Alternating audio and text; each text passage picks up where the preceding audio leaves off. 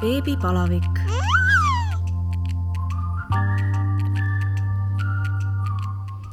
tere tulemast kuulama Õhtulehe podcasti Beebipalavik. mina olen saatejuht Katariina Toomemets ja täna on minu külaliseks laste ehk või siis beebide füsioterapeut Reeli Tamme. tere, Reeli! tere!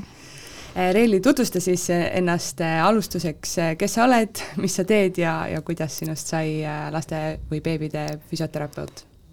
Ja nagu sa ütlesid, ma olen Reili Tamme, ma olen eh, tegelikult, ma esimesena alati mainin, ma olen nelja lapse ema ja ma olen füsioterapeut, et eh, seda, et ma olen laste füsioterapeut, seda ma olen tavaliselt nagu ise nii-öelda tiitliks juurde öelnud, et, et Eestis tegelikult ähm, ei saa õppida eraldi laste füsioterapeudiks, sõltub lihtsalt sellest, et ähm, mis valdkonnas sa pärast praktiliselt tööle hakkad mm, -hmm. et mina olen terve oma terve ülikooli lõpust eh, alanud tööaja töötanud lastega Tartu, Tartu Ülikooli lastekliinikumis.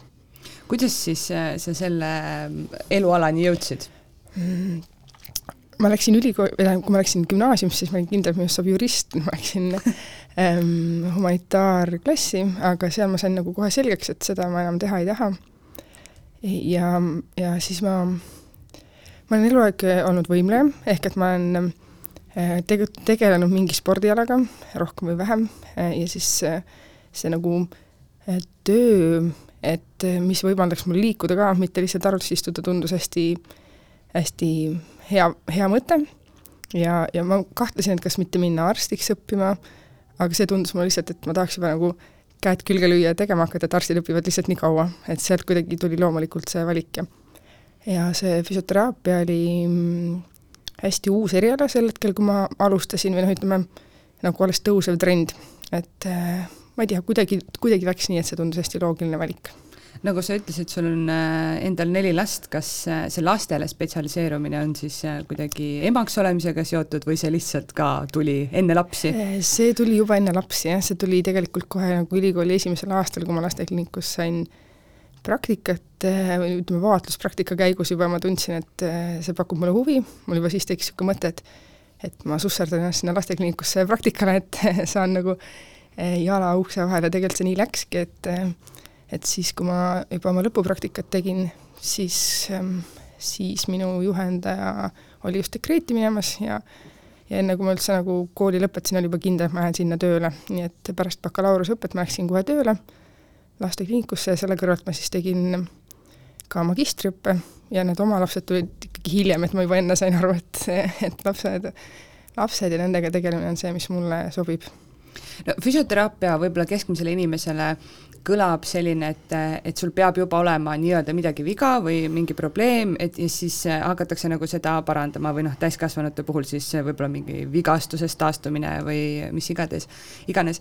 aga laste puhul tegelikult eh, see on, sa saad oma beebi arengut siis juba noh, tegelikult ju toetada jaa, absoluutselt, et ka meie osakond tegelikult, kus ma ülikooli kliinikumis töötan, on nimetuse järgi on mit-, mitte ainult taastusravi, vaid ongi laste ja noorukite arendus ja taastusravi, ehk et see arendus on väga oluline osa, et et taastusravi tähendab seda, et me taastame midagi, mis on nagu eh, ära kadunud elu mm -hmm. jooksul, aga et kuna lastel polegi võib-olla seda oskust tekkinud, siis see ongi nagu arendus, ehk et nii ütleme, normarenguga beebide puhul kui ka noh, mingite eh, päriselt nagu meditsiiniliste probleemidega beebide puhul me räägime ikkagi põhimõtteliselt enamasti arendusravist, noh on ka juhte, kus ähm, näiteks on juba, ma ei tea, esimese eluaasta jooksul beebil mingi terviseprobleem, mis, ähm, mis nagu nii-öelda, mille tulemusel kaovad ära mingid funktsioonid, mis tal mm -hmm. juba oli, et siis nagu tehniliselt või terminoloogiliselt me võime öelda, et see on siis nagu taastusravi. aga jah, põhimõtteliselt me saame nii toetada seda, mis, ähm,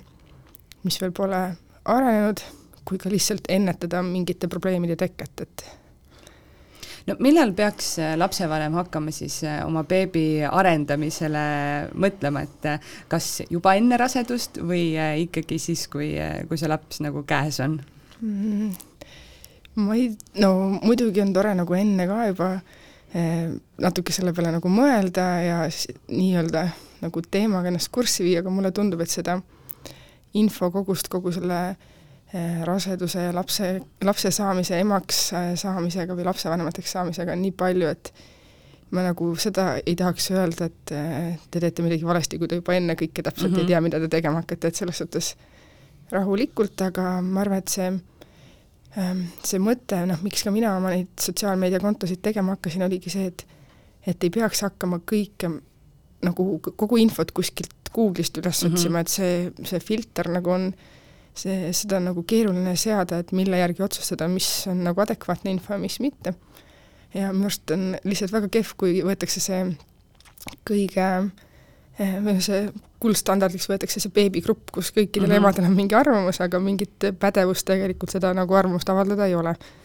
et eh, selles suhtes eh, tasub lihtsalt ise kriitiliselt mõelda, mis allikate põhjal sa oma otsuseid teed, et minu, minu kogemus lapsevanemana näitab seda, et minu arust noh, mul on väga hea perearst, aga minu arust perearstide konsultatsioonid üksi ei ole nagu äh, piisavad mm, -hmm. et mhm. seal ei ole piisavalt aega perearstil meid äh, kuidagi nõustada ja ja ei ole ka minu arust niisugust ähm, keskkonda, kus päriselt seda last nagu noh, nagu naturaalses keskkonnas vaadata, et mm -hmm et äh, et tal on võib-olla seal mingi üks mänguasi ainult, millega on ju tähelepanu püüda, aga, aga kuidagi jälgida, mis ta siis tegelikult teeb. Äh, pluss, et laps on alati seal kuidagi nii stressiolukorras, et mm -hmm. ei ole mhm. seda aegagi, et lasta tal natuke kohaneda või noh, enamasti ei ole isegi mitte põrandat, kuhu beebit nagu maha mm -hmm. panna, et Lähed sinna, võtad paljaks, mõõdetakse, kaalutakse ja, ja vaatad, et alla ei kukuks nii kaua, on ju, et hoiad kinni seal no üldiselt vist ikkagi minnakse tegelikult äh, lapsega füsioterapeudi juurde siis, kui, kui tundub, et äh, tal mingi areng ei ole siis eakohane või midagi on äh, puudu. mis on need põhilised probleemid ja, ja põhiline siis vanus, millal nagu sinu juurde tõesti jõutakse, et, et kuule, nüüd mulle tundub, et midagi on valesti? no meie juurde selles suhtes praegu ma valdavalt tegelen nagu niisugune teavitustööga ja ei tee niivõrd äh, nagu ütleme, vastuvõtte mm, -hmm. aga et kui ma võtan selles äh, lastekliiniku kontekstis, siis sinna jõuavad ikkagi pigem äh,, pigem nagu tõsisemad lapsed, eks, või noh, tõsisemate probleemidega lapsed, aga see vanus, kust äh, tegelikult, kus me nagu hakkame nägema, on ikkagi juba üsna vara, ehk et seal kaks-kolm elu, elukuud, äh, sest see on, noh, siis hakkab see vastsündinu iga nagu läbi saama ja peaks juba hakkama nägema seal äh, peahoidu ja, ja mingid asümmeetriad tulevad välja, et, et väga palju varem noh, tavaliselt ei tulda, kui just ei ole mingit sünnianamneesis mm -hmm. kuidagi juba mingit eh, patoloogiat või ei ole näiteks lihtsalt enneaegne beebi, kes kohe automaatselt on ju jälgimisel, et jah, kaks-kolm elukuud, aga noh, seal on see vahe, et et kuni perearst suunab, siis kuni taastusarst suunab, et äh, jah, kaks-kolm, ma ütleks nii mis äh, on need esimese, no esimene eluaasta on selline, kus äh, laps ju mühinal areneb põhimõtteliselt äh, iga päev, tal tekib mingi uus oskus. mis on siis need põhilised arenguetapid beebil ja, ja mis vanuses need tulevad, siis algabki ma ei tea, kas siis vaatamisega ja, -huh. ja lõpeb on ju kõndima õppimisega või kuidas see siis käib, võtame algusest järjest läbi, meil mhm. -huh. aega on. on jah et selles suhtes ma, ma ei tahaks siin anda nagu mingeid äh, täpseid nädalaid, sest et mm -hmm. või ku-, kuusid, sellepärast et see on nagu kõige suurem probleem, et emad ajavad näpuga järgi ja siis et ta ei, ta ei keera või ta ei, ta ei rooma nii, nagu öeldakse, et selles vanuses peaks, aga see järjestus on just nagu oluline, et kui me ütleme, et hoiab pead, siis on nagu noh, et mida selle all mõista, ma, ma kohe hakkan järjest siit minema, aga mm -hmm. ma natuke selgitan seda loogikat, et et peahoid on nagu väga erinev, erinev asi, on ju, et peahoiu all me võime mõista seda, et beebi suudab selili asendis hoida pead keskel, alguses ta ei suuda sedagi. noh, et ehk et seda keskel hoidmist võiks ta hakata seal kuskil pooleteist kuu vanusest tegema. Äh, aga noh, et samamoodi me võime mõista, et peahoiu all hoopis seda, et kui me teda sirgetest kätest istuma tõmbame, et siis ta suudab nii teha, et pea ei jää rippu selja, noh ütleme nii, et kuklasse, mhm. on ju. et see jälle tuleb äh, seal Äh, kolmandaks elukuuks umbes, aga et, aga näiteks lihtsam variant on pead hoida, et me paneme beebi toestatult istuma ja siis ta äh, noh, suudab lihtsalt istumisasendis hoida, nii et ta pea ei kuku küljele või ette, et nagu need on hästi erinevad äh, noh äh,, nagu samm-sammult see peahoid kujuneb, ehk et et nagu päris üksi pulgi ma siin läbi selles suhtes ei hakkaks võtma, aga ma ütlen, et et ähm, need arenguetapid on ka nii, et see on pluss-miinus kaks kuud tavaliselt, mida me ütleme, et äh, eriti seal teisel poolaastal eh, on, et see lõtk või noh, nagu see hästi suur, et mis vanuses beebi võib minna istuma ja, me mm -hmm. peame seda ikka veel normiks. ja mina ise, ma olen aeg-ajalt teen seda jälle üleskutset või noh, et jagan oma kontol sellist ähm, arengutabelit ja seal ka ma tegelikult ei ole nagu kuude kaupa välja toonud, sellepärast et see on nagu liiga strikt, et beebid on nii erinevad, et seal tõesti on see vahe nagu märkimisväärne.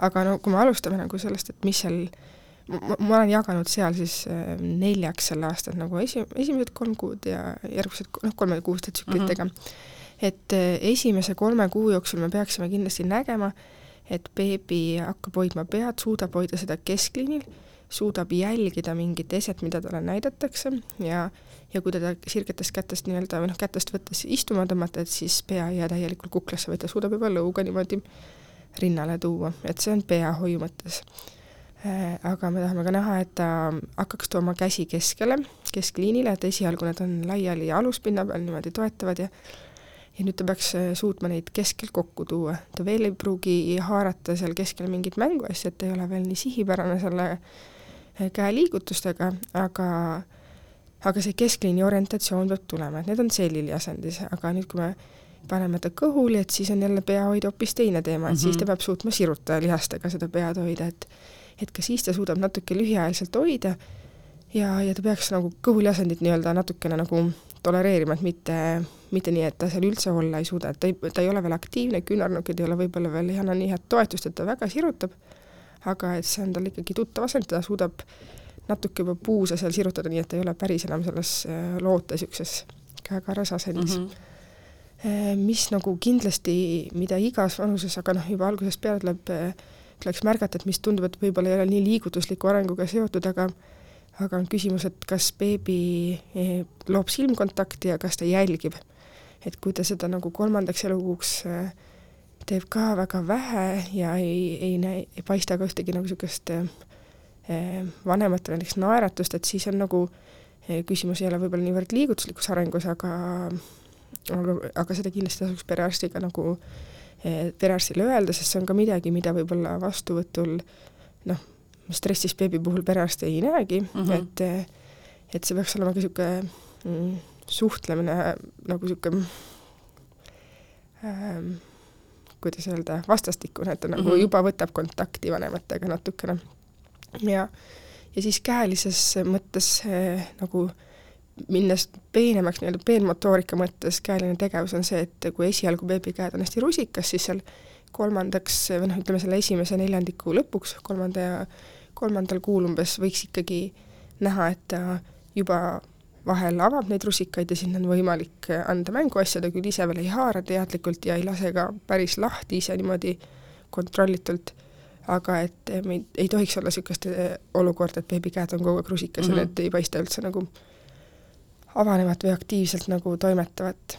ja noh, siis mida on nagu natuke raskem seletada, mida noh, kontrollivadki perearstid, on see, et eh, lihastoonust üleüldiselt mm, -hmm. et kas, ehm, kas need eh, varbad näiteks ei ole liiga nii-öelda rullitud või et nagu krõnksus. just, jah, ja, ja kas ehm, noh, reflekse kontrollivad perearstid ja, ja üldse, et kui me nagu puusadest jalgu proovime liigutada, et kuivõrd ehm, vabalt laseb seda liigutada, et et seda on natukene raske nagu emadele nii-öelda öelda, noh, me ei eeldagi, et nad peaksid seda, seda suutma mm -hmm. nagu ise kontrollida. aga kui me läheme nüüd siit edasi sinna mm, teise kolmandiku juurde, et sinna jääb siis see, et beebi peaks hakkama keerama, eh, ütleme enne kuuendat elukuud oleks eh, tore, kui me näeme, kui me veel ei näe, siis eh, ei pruugi olla midagi katastroofilist, aga juba tasuks tegeleda ehk et keeramine siis selja pealt kõhule. Ehm, on niisuguseid erinevaid teooriaid, kes ütleb, et et kõhu pealt seljale tuleb nagu keeramine varem ja, ja selja pealt kõhule hiljem, aga eh, tegelikult noh, minu, minu hinnangul ikkagi reaalsuses see selja pealt kõhule keeramine kontrollitult on esimene selline sihipärane ja siis beebi suudab seal kõhul ja sees olla ja hakata siis äh, hiljem, ütleme, see ei, see ei pruugi tulla seal teises kolmandikus, see võib tulla hiljem, kui beebi on juba võib-olla kuu-poolteist vabalt olnud äh, ise keeranud ja oskab kõhuli olla, et siis ta hakkab vaikselt tagasi ka keerama. kui ta keerab varem, siis tavaliselt äh, ma ei tea, mina, nii palju kui mina olen näinud, et mul, mina selgitan seda nii, et see on tegelikult nagu nii-öelda tasakaalu kaotamine, et ta lihtsalt kukub nagu kukub tagasi mm, -hmm. sirutab ennast ja siis pea on nii raske, et keerab ta nagu tagasi sinna sirutus või noh, jah, selja peale.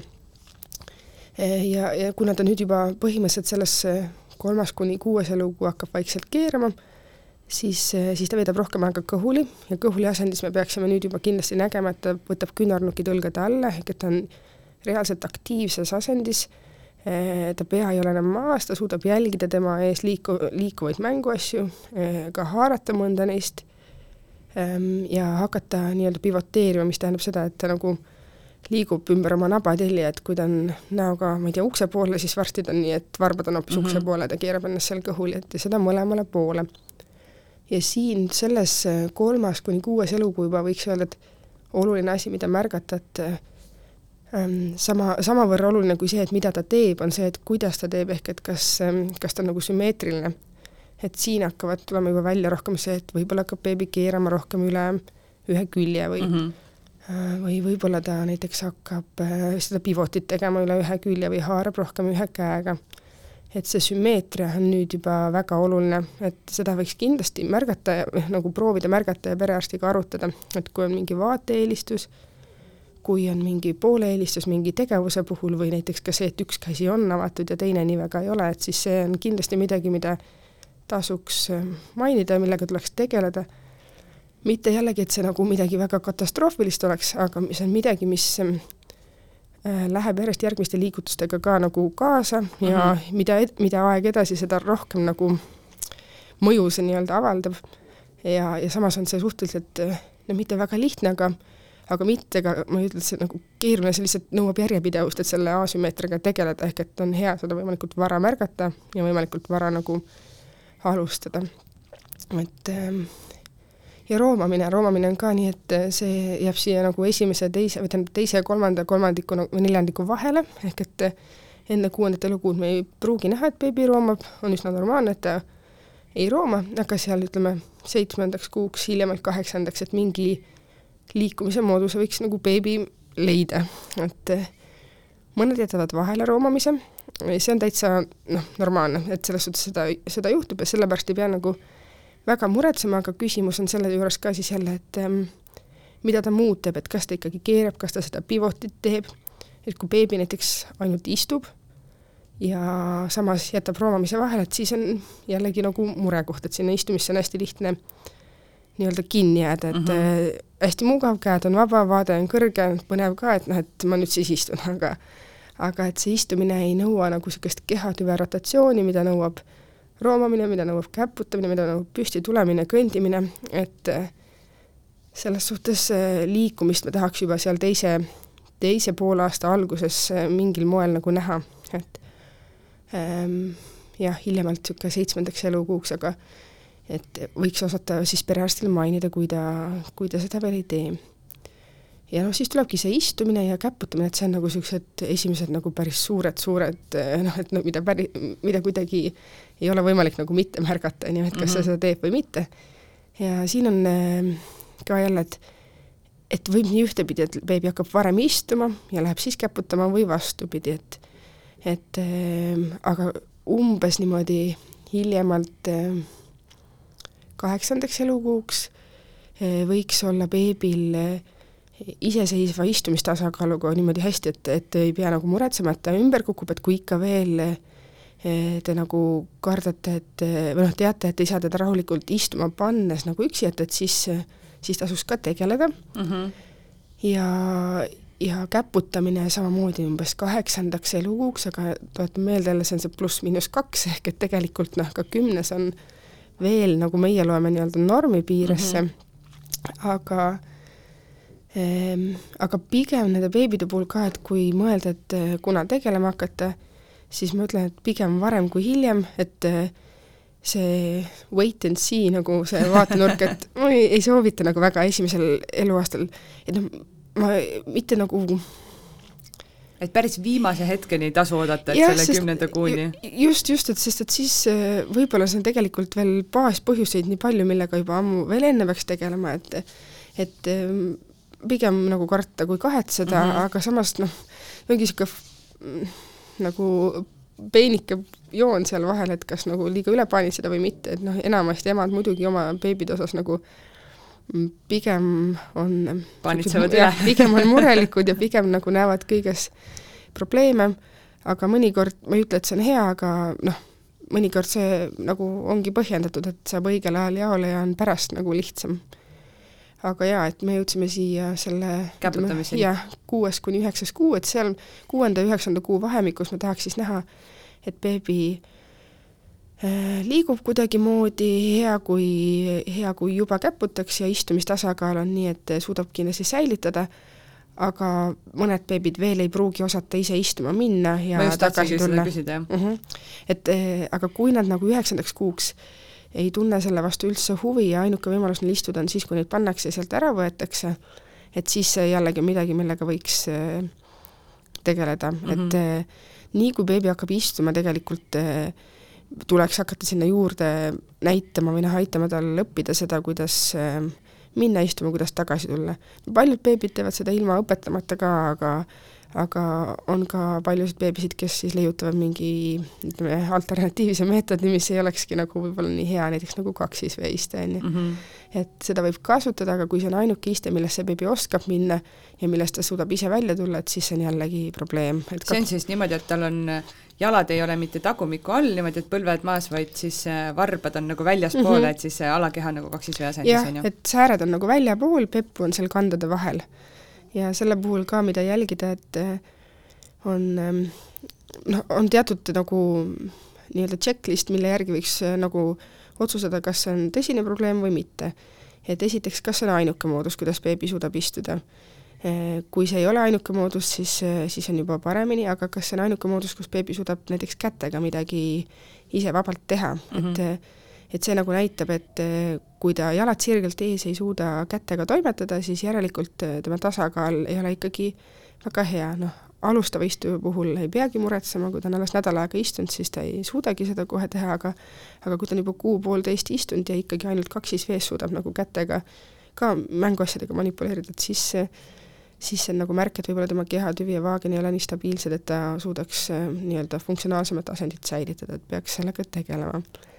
Ja selle kaksisveega veel, et kui kui beebivarbad selles asendis on väljapoole suunatud, et siis see kindlasti on ka probleem, et või noh, nagu see näitab, et äh, see toonuse tõus nagu jalgades on kompensatsiooniks sellele äh, ebakindlale istumisele mm -hmm. nagu väga suur, et, et see on ka nagu märk ähm, kas on veel midagi, jah, need, need on nagu need põhiasjad ja kui, kui sellega koos on veel olukord, et beebi teisi, noh, tavalisse istumise asendisse üldse ise ei oska tulla ja käpuli asendist ainult nagu lükkab ennast sinna kaksisveesse, siis see on kindlasti midagi, mida peaks, ähm, millega tuleks tegeleda, et see ei ole midagi keerulist, äh, see on lihtsalt niisugune läbi mänguliste tegevuste mm, -hmm. aga sa, enamasti ikkagi emad vajavad natuke nagu juhendamist selles mm -hmm. osas, et see, see ei pruugi no sa ei mõtle ise seda välja kõike? jaa, ja ka seda, kuidas seal kaksisvee asendis näiteks ise beebit välja aidata, et kui mm -hmm. sa näed kogu aeg, et ta istub ja sa tahad korrigeerida, siis ma oma töös ka vahel, ma nagu kipun juba ära unustama, et et seda nii-öelda tavainimese nagu pilku, et tegelikult neid mooduseid, kuidas siis seda beebit nagu sealt välja aidata, on palju et enamasti emad siis tulevad, tõstavad beebi nagu täitsa üles mm -hmm. ja mhm. siis tagasi noh, maha, aga et aga peaks, seda ta ise ju ei saa teha, on ju. me peaks mõtlema, et mis on see, mida ta saaks ise teha, et et siis saabki, no see on juba spetsiifika, et mida mm -hmm. siis mhm. täpselt sõltuvalt millisest beebist teha.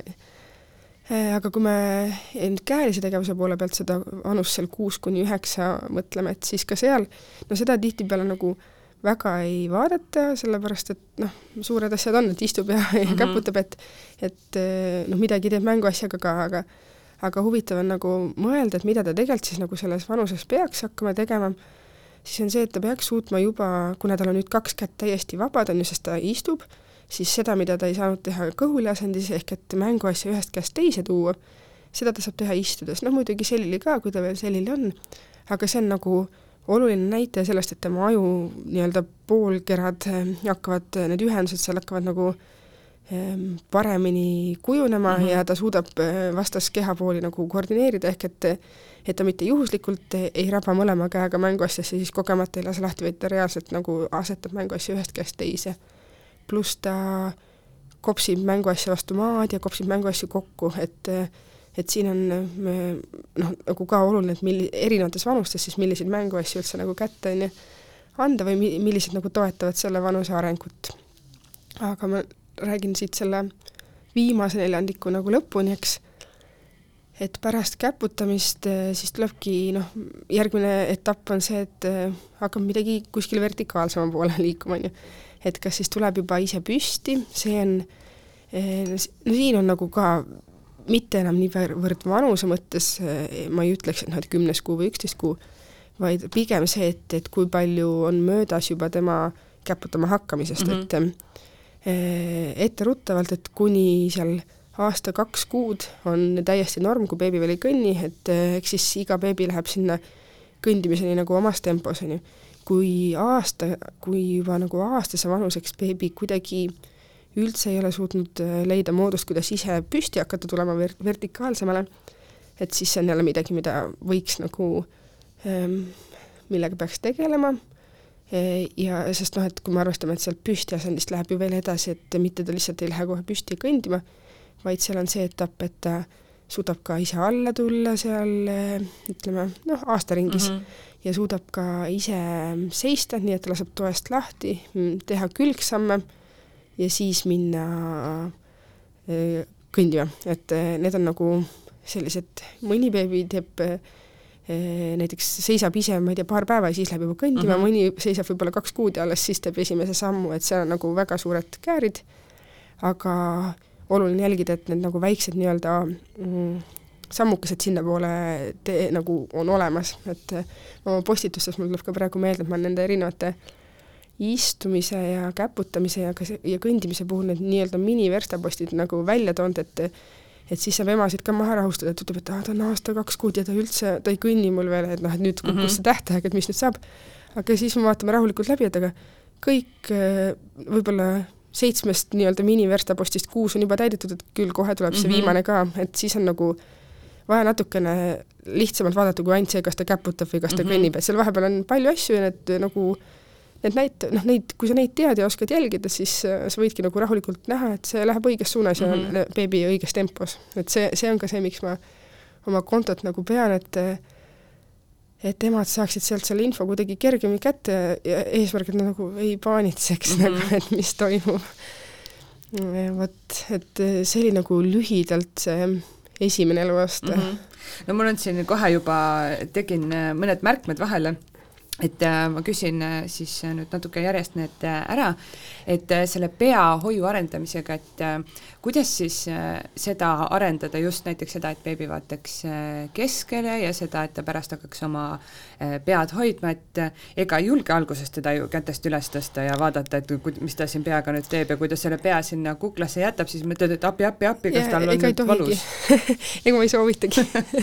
Et see, see on tegelikult üks asi, niisugune mida vanemad, eh, noh, mida mõnes kohas ka nii-öelda soovitatakse nagu trenni mõttes, et tehke ja siis beebi mm -hmm. harjutab kaelalihaseid, aga tegelikult seda tuleks võtta ikkagi nagu nii-öelda diagnostika võtet, võttena ja, ja see ei ole eh, nagu trenni mõttes see ei mm -hmm. ole mhm. mõistlik, see on trenni mõttes mõistlik sellisele beebile, kes juba hoiab pead, aga siis see trennib hoopis midagi muud, see trennib nagu keeramiseks kõike seda keha eesmist mm -hmm. painuta lihaskonda, mitte seda, et me nüüd saame ta kaela hästi tugevaks et eh, seal peahoius ka noh, et seda, kuidas hoi-, harjutada nagu pea keskel hoidmist, see on eh, põhimõtteliselt nii, et sa lihtsalt eh, võtad beebi kas enda põlvede peale või põrandal, põlvede peal on parem, sest esialgu on tal siis üldse see noh, oma nii-öelda reite vahel natuke justkui see pea veel noh, fiks-, noh nagu mm -hmm. natuke niisugune lohk tekib, on ju. Mhm.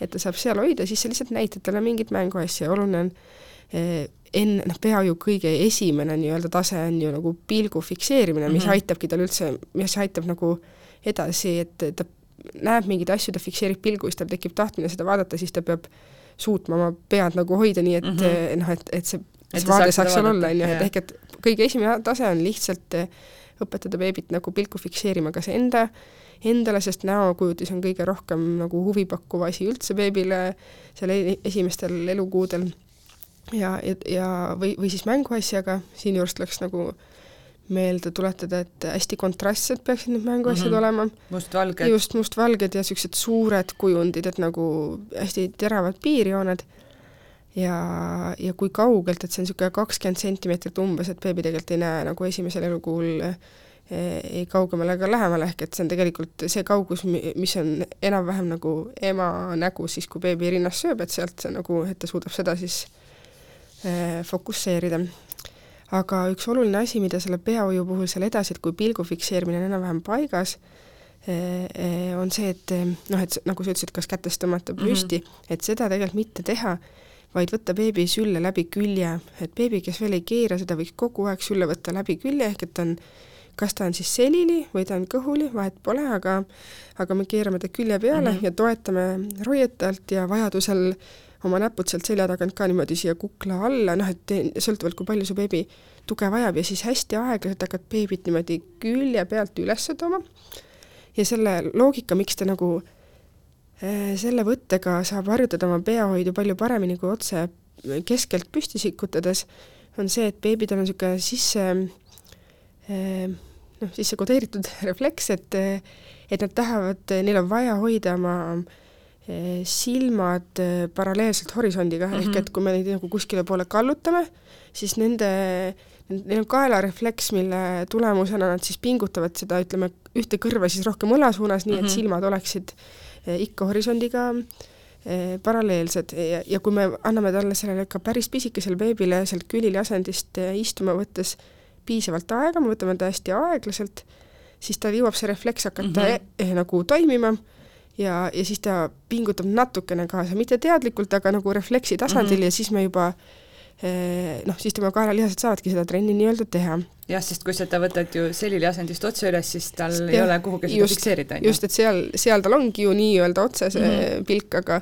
aga need ja pluss see pea on ju väga-väga raske mm -hmm. nagu mhm. võrreldes tema keha raskusega, et see on Eh, väga suur raskus, mida need väiksed kaelalihased peavad eh, nagu kandma, et jah, see külje pealt sülle võtmine on nagu põhiasi ja siin ka jällegi sümmeetriat väga jälgida, et siin et... on hea see äh, selline video ringleb internetis, et äh, kui paned lapse käed niimoodi talle ümber pea, siis äh, ta pea ongi ta käte vastas ja siis, kui sa paned omale need käed, siis noh, seal on pool meetrit ruumi vahel, et, et võrrelda just seda, et kuidagi saada aru, et kui, kui siis suur lapse pea tema kehaga võrreldes on täiskasvanuga võrreldes. jaa, just, noh, et sellepärast on ka näiteks toestatud istumisasendis või endal süles hoides on beebil mõnikord, noh, ongi lihtsam nagu ka oma peahoidu natuke harjutada, oletame, et sa võtad ta seljaga vastu ennast, toetad peppu alt ilusti ja siis ta saab vaadata, et et eh, proovida seda pead nagu nii hoida, noh, hoiadki käed valmis, et nagu toetada, kui ta mm -hmm. kuskile kukkuma hakkab, aga see on ka üks moodus, kuidas ta saab neid samu kaelulihasid aktiveerida, ilma et ta peaks seda kogu seda rasket pead just mm, -hmm. noh, et tegelikult see raske pea maast üles kangutamine nagu kõige raskem asi üldse mm, -hmm. seda ja seda, noh, et ei saa nagu see on umbes nii, et hakkame nagu jõu tõstmist tegema, mõtleme, et kuidas ma saaks seda sada kilo, siis ah, ma hakkan kohe seda vinnama, et noh, et mm -hmm. ei saa, sa teed nagu juurdeviivaid harjutusi sinna, et selles suhtes eh, saab ka püstiasendis või istumisasendis nagu beebil seda peahoidu soodustada, et ta lihtsalt proovib hoida, tal on võib-olla kukk all vastu sinu rinda, aga ta vahel natuke laseb selle lahti mm -hmm. või võtad ta õla peale, ta vaatab üle sinu õla niimoodi se selja taha, et nagu rind rinna vastas üle ühe õla, ka seal saab natuke nagu natuke võib-olla tudistab pead, aga tegelikult on see nagu trenn see tundub äh, täiesti noh, et kui sul ongi laps süles, et see tundub nii lihtne asi, mis äh,, mis nagu tundub, et ei tee midagi, aga tegelikult selle väikese imiku jaoks on see ju noh, ikkagi kogu aeg käib trenn jaa, absoluutselt, ma mäletan, kui ma esimese lapsega läksin oma siin töö, töökaaslastele külla ja siis ma seal osakonnas kõndisin nii, et ta oli mul üle õla ja noh, ta oli, ma ei tea, võib-olla paar nädalat ja ma noh,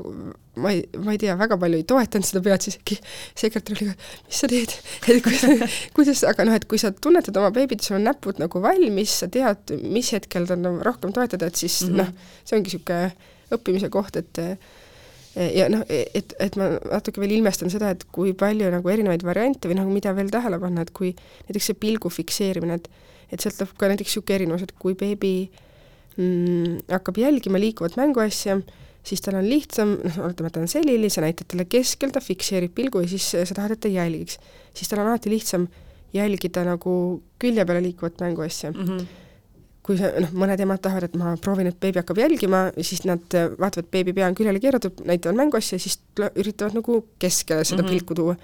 ja seda ongi juba raske, noh, et see on nagu palju raskem, sest see on vastu gravitatsiooni, ehk et siin on nii palju neid peenikesi nüansse, mida nagu tähele panna, et et sõltuvalt sellest, kas su beebi juba suudab tuua pea keskele või mitte, saad nagu erinevaid asju valida, nii et mitte, et ma nüüd ütlen, see on raketiteadus, aga aga ma nagu julgustan äh, mingit niisugust head allikat äh, jälgima ja, ja nagu äh, natuke täpsemalt mõtestama, et miks näiteks minu beebi siis nüüd ei jälgi seda mänguasja või mm -hmm. kas, et kui seal beebigrupi naaber juba jälgib, et siis näedki, et mul on siit ainult see üks samm veel teha ja noh, liigub ka õiges suunas ja sa rääkisid ka sümmeetriast, mm, kui minu laps hakkas keerama, siis ta keeras ühele poole me ikka ja. üritasime ta, tegelikult ta sai, oskas küll teisele poole ka vahepeal, aga noh, ikkagi kuidagi see üks pool tuli kergemini ja roomas nii, et ta lükkas ennast ühe jalaga teine oli lihtsalt mm -hmm. tagasirge ja lihtsalt niimoodi roomas ja siis sellega me läksime lõpuks siis äh, füsioterapeudi juurde, et noh, ta oli juba, nii kaua selle ühe jalaga roomanud nagu haavatud sõdur yeah.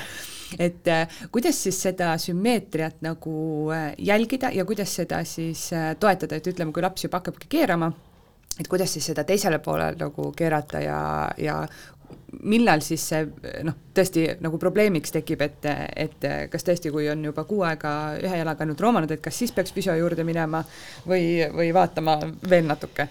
isegi varem võiks minna aga, aga põhimõtteliselt jaa, üldiselt on nii, et Eh, nii kui me juba näeme nagu mingit asümmeetriat, siis eh, tuleks sellega nagu tegeleda, hea on seda isegi ennetada, aga noh, me ei saa nagu ennetada, eh, tähendab, saame küll ennetada, aga me ei, me ei tea, et see on probleem, enne kui me seda ju mm -hmm. näeme. Aga kui, kui mingi tegevus on ähm, nagu just õpitud beebil, ütleme, ta õppis just keerama või ta õppis just pivotit tegema või miks mitte ka istuma minema, siis on väga tavaline, et ta teeb seda ühe poolega mm, -hmm. see on nagu, sellepärast ei pea muretsema sest ta sai selle just käppa just, ja tahab seda kohe proovida, on ju, edasi. ta, ta saigi selle käppa selle poolega, kus tal on lihtsam mm -hmm. ja kui tal nagu kõik on nii-öelda normipärane, siis ta varsti hakkab ka üle teise keha poole seda proovima. aga kui see on niisugune ma ei tea, kaks nädalat, kolm nädalat juba näed, et noh, et see ei ole enam nii-öelda värske oskus, aga ikka on asümmeetriline, siis tegelikult äh,, siis tuleks äh, tegeleda. et äh, kuidas ennetada seda asümmeetrit, on noh, põhimõtteliselt, et kõikides igapäevategevustes, mis vähegi võimalik, pakkuda võimalikult sümmeetriliselt, et kui me paneme beebi näiteks poolkülili vankrisse magama, et kes paneb noh, selili, aga kellel natuke toetab võib-olla refluksi pärast või et siis see peaks olema kord ühe, kord teise mm -hmm. külje peal, on ju.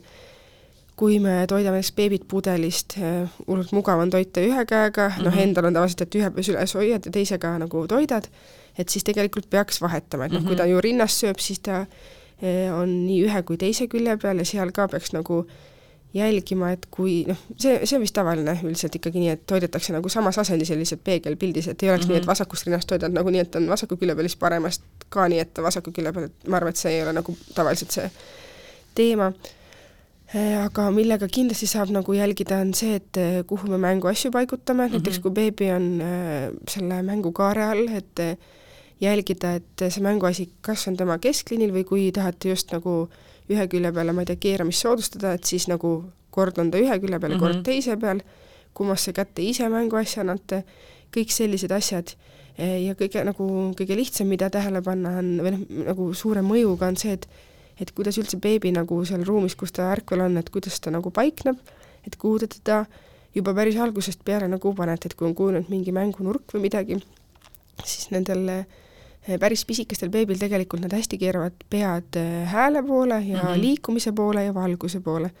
et eh, sellepärast tuleks jälgida, et noh, kui seal on näiteks kodus, noh pimedal ajal on ju üldiselt nagu kunstlik valgus põleb mm, -hmm. aga akentega arvestada, et et beebi ei ole kogu aeg seal oma mängukohas nagu ühtepidi, sest mm -hmm. väga suure tõenäosusega jääb suurem osa tegevust ja helisid ja valgust talle just noh, teatud ühele poole mm -hmm. ja siis ta kipub sinnapoole rohkem vaatama et seda nagu kindlasti noh, seda on suhteliselt lihtne jälgida, et ei pea midagi keerulist tegema, lihtsalt kui paneb beebi omaette toimetama, et siis nagu kord ühtepidi, kord teistpidi mm. -hmm. ja noh, see keeramisega ka jaa, et enamasti nad hakkavad keeramagi, nagu ma ütlesin, üle ühe külje, aga siis kui see asümmeetria püsib, siis me nagu, ma põhimõtteliselt piisab sellest, et me lihtsalt siis harjutame sellele teisele poole keeramist veel, et eh, romamisega natuke raskem, et seal ei saa kogu aeg nagu kuidagi olla nii-öelda juures ja seda jalga mm -hmm. nagu sättida ja, ja oi, me üritasime, teda üldse ei huvitanud. Ja see, noh, ja kui ta saab selle päris käppa, selle roomama, siis ta on nii kiire ka, et sa ei saa iga tõukega nagu, aga siis ongi noh, siis on juba nagu füsioterapeudi soovitused see, noh, et iga beebi puhul nagu personaalsemalt, et sõltub, mis tal seal see, et kas tegelikult võib-olla teravama pilguga oleks nagu ka varasemates etappides mingeid asümmeetria mm -hmm. märke nagu olnud, et kas siis nendega tegeleda, et näiteks külilimäng on tihti see, et kui beebi meil on asümmeetrit, siis ühe külje peal ta lamab normaalselt, enne kui ta keerama hakkab mm. -hmm. ja, ja teise pealt näiteks vajub lihtsalt kogu aeg kas sellili ära või mm, -hmm. või vajub kõhuli ära, et juba see on nagu meie jaoks nagu füsioterapeutide jaoks märk, et noh, et et tal on ühe keha poole peal, ma ei tea, lihtsam või raskem olla ja, ja siis tasuks tegelikult harjutada just ka nagu selle poole peal rohkem, mis tal raskusi valmistab.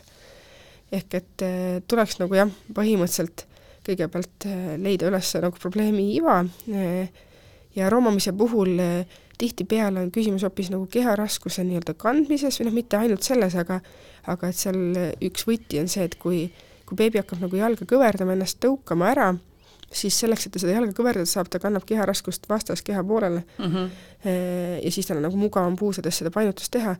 ehk et me saame harjutada kõhulimängus seda, et oletame, ta seal kogu aeg tõukab parema jalaga, siis me suur, noh, tõenäosus on, et ta tegelikult, tema keharaskus on rohkem vasakul, siis me saame mitte roomates, vaid lihtsalt paigal olles mängida ja suunata teda nii, et tema keharaskus oleks rohkem paremal mm -hmm. pool, ma ei tea, haarata vasaku käega ja vaadata sinna vasakule poole mm, -hmm. et kõik niisugused nüansid nagu, see on nagu niisugune füsioterapeudi spetsiifika, et ma ei arva, et, et see ei ole nagu, et et me ühe podcast'iga ei õpeta emadele mm -hmm. nagu seda füsioteraapia mingit viie aasta kogemust ära, aga et et seal on nagu asju, mida saab teha ja, ja mõnikord ongi oluline lihtsalt jälgida, et okei okay,, me näeme, et ta käpp või roomab näiteks asümmeetriliselt, aga et siis on eriti oluline, et nüüd me ise suuname, et ta näiteks istuma läheb kindlasti mm -hmm. üle mõlema poole ja, ja näiteks käputama ja, ja käpuli asendisse ka, et mõnikord ei ole niivõrd palju teha selle konkreetse äh, tegevusega juba, vaid et eh, ennetada siis nagu järgmises mm -hmm. etappides sedasama, sest soodumustel hakata nagu ühe poolega siis jälle asju nagu rohkem tegema, on noh, väga suur, kui ta juba mingit liigutust asümmeetriliselt teeb. aga noh, see ei ole ka selles suhtes nagu nii-öelda maailma lõpp mm, -hmm.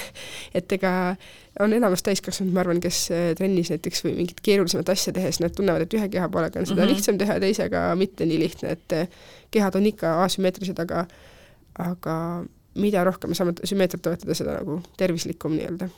kas äh, see, kui äh, näiteks ongi, et äh, mingi poolega teeb rohkem, kas see näitab juba ka ära näiteks beebi käelisust?